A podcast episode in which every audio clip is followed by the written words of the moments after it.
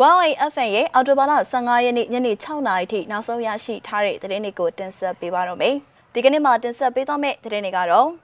စုလီမဟာဗန္ဒူလာပန်းချံအနီကအခွန်ယုံမှာဘုံပေါက်ကွဲခဲ့တဲ့သတင်း။ကျော်စံကျေးရွာကရက်ကြီးစရီတနက်နေ့နှထင်တိပြီးပြစ်သက်ခံလိုက်ရတဲ့သတင်း။အေးအဖွဲ့ဝင်များအပါအဝင်တိုင်းရင်းသားလက်နက်ကိုင်များကိုဆွဲဆိုထားတဲ့အမှုများအားစစ်ကောင်စီရုပ်သိမ်းပေးတဲ့တဲ့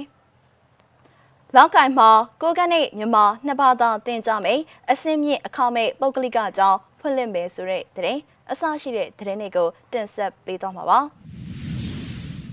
ဦးဆောင်သတင်းကတော့ စုလီမဟာဗန္ဒူလာပန်းချံအနီကအခွန်ယုံမှာဘုံပေါက်ကွဲခဲ့တဲ့သတင်းပါရန်ကုန်မြို့ကုန်းတယ်လမ်းနဲ့မဟာဗန္ဒူလာပန်းချံလမ်းတောင်ကအခွန်ထမ်းကြီးများဆိုင်ရာအခွန်ယုံကိုဒီကနေ့အောက်တိုဘာလ15ရက်နေ့နနက်10:36မိနစ်အချိန်မှာဘုံခွဲတိုက်ခိုက်လိုက်ကြောင်းကို Free Tiger Ranger ပဇွန်တော်မြို့နယ်ကွယ်အဖွဲ့ကပြောပါတယ်လက်ပြဘုံအစ်စ်နဲ့ခွဲတာပါ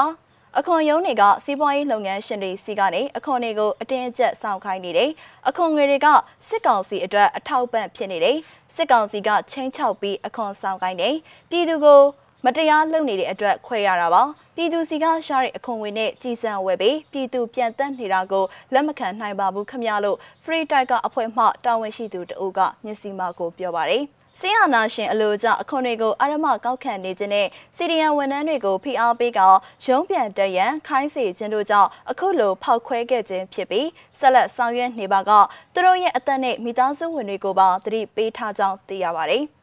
ပောက်ကွဲမှုဟာအခွန်ရုံးဝင်အတွင်းဖြစ်ပွားခဲ့ခြင်းဖြစ်ပြီးထိခိုက်ပျက်စီးမှုအတိအကျကိုတော့မသိရသေးပါဘူးရှင်။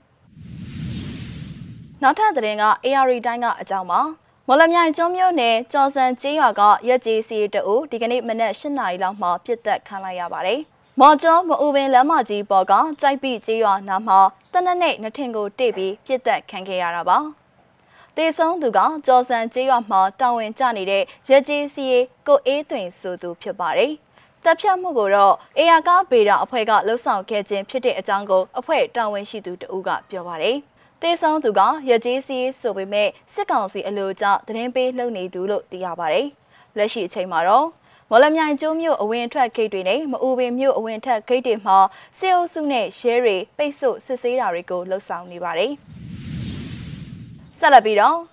အေးအဖွဲ့ဝင်များအပါအဝင်တိုင်းရင်းသားလက်နက်ကိုင်များကိုဆွဲဆိုထားတဲ့အမှုအားစစ်ကောင်စီရုပ်သိမ်းပေးတဲ့သတင်းကိုတင်ဆက်ပေးကြပါမယ်။ တနိုင်ငံလုံးပြစ်ခတ်တိုက်ခိုက်မှုရစရေးသဘောတူစာချုပ် NCA 6နှစ်ပြည့်နှစ်ပတ်လည်နေ့ကိုဂုဏ်ပြုတဲ့အနေနဲ့ AA အပါအဝင်တိုင်းရင်းသားလက်နက်ကိုင်တပ်ခုနှစ်ခုကနေတရားစွဲဆိုခံထားရတဲ့အဖွဲ့ဝင်114ဦးရဲ့အမှုတွေကိုစစ်ကောင်စီကပြန်ရုပ်သိမ်းပေးလိုက်ပါတယ်။ဒီသတင်းကို Burma Associated Press မှာဖော်ပြထားပါတယ်။စစ်ကောင်စီကထုတ်ပြန်တဲ့စီးရင်အရာ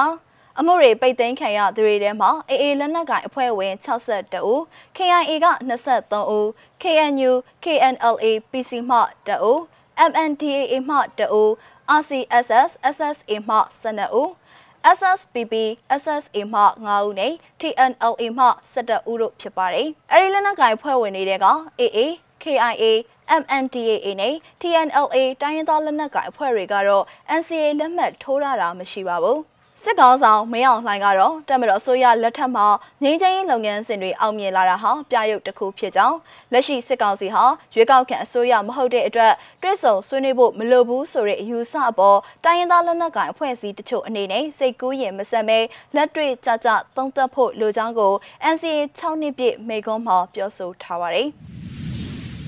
နောက်ဆုံးသတင်းတစ်ပုဒ်အနေနဲ့ရှမ်းပြည်မြောက်ပိုင်းကသတင်းကိုတင်ဆက်ပေးကြပါမယ်။ ကိုကန့်ဒေသလောက်ကိုင်မြို့မှာတော့ကိုကန့်နဲ့မြန်မာနှစ်ဘာသာတင်ကြမယ်အစင်းမြင့်အခမဲ့ပုဂ္ဂလိကကျောင်းဖွင့်လှစ်သွားမယ်လို့ရွှေဖီမြေသတင်းအရသိရပါတယ်။ဆယ်ရီကကျေဝန်းတဲ့အဲ့ဒီကျောင်းကိုကိုကန့်လူမှုဖွံ့ဖြိုးရေးအသင်းရဲ့ဥက္ကဋ္ဌဒေါ်ချော့ချော့အေးကဦးဆောင်ပြီးတရုတ်ရွှန်ငွေ3300မြန်မာကျပ်ငွေ3800ကျော်ကုန်ကျခံပြီးတော့လှုပ်ဆောင်ပေးမှာဖြစ်ပါတယ်။ကိုကန်းလူမှုဖွံ့ဖြိုးရေးအသင်းရဲ့တာဝန်ရှိသူတို့ကဒီဒေသမှာကပညာရေးနဲ့ပတ်သက်ရင်အရန်နောက်ကြတယ် ဒါကြောင့်ကျောင်းကိုဆောက်လုပ်ပြီးတော့ဒေါ်ချချောအေးကဒေသကိုပြန်လွှဲပေးမှဖြစ်တယ်လို့ပြောပါတယ်။နေစီကျောင်းစရိတ်နဲ့စားစရိတ်တွေကအခမဲ့ဖြစ်ပြီးအခြားဒေသကသူတွေကိုပါလက်ခံပေးမှာပါ။ဒါပေမဲ့ပညာရေးသင်ကြားခွင့်ဆုံးရှုံးနေတဲ့ဒေသရင်းတိုင်းရင်းသားတွေကိုဦးစားပေးပြီးတော့လက်ခံမှာဖြစ်တယ်လို့သိရပါတယ်။အဲ့ဒီပုဂ္ဂလိကကျောင်းကိုလောက်ကင်မြို့အမှတ်3ရပ်ကွက်စင်ဖြူဝိုင်းရွာရှိ125ဘတ်မှာဆောက်လုပ်မှာပါ။ လာမယ့်နိုဝင်ဘာလမှာကျောင်းကိုစတင်ဆောက်လုပ်မှာဖြစ်ပြီးတော့2022ကုန်ဒါမှမဟုတ်2023မှာဖွင့်လှစ်နိုင်ဖို့လဲစီစဉ်ထားကြပါရရှင်။ Huawei FN ရဲ့အော်တိုဘာလ15ရက်နေ့ညနေ6နာရီထိနောက်ဆုံးရရှိထားတဲ့သတင်းတွေကိုတင်ဆက်ပေးခဲ့တာပါ။နားဆင်ပေးခဲ့တဲ့အတွက်ကျေးဇူးတင်ပါတယ်ရှင်။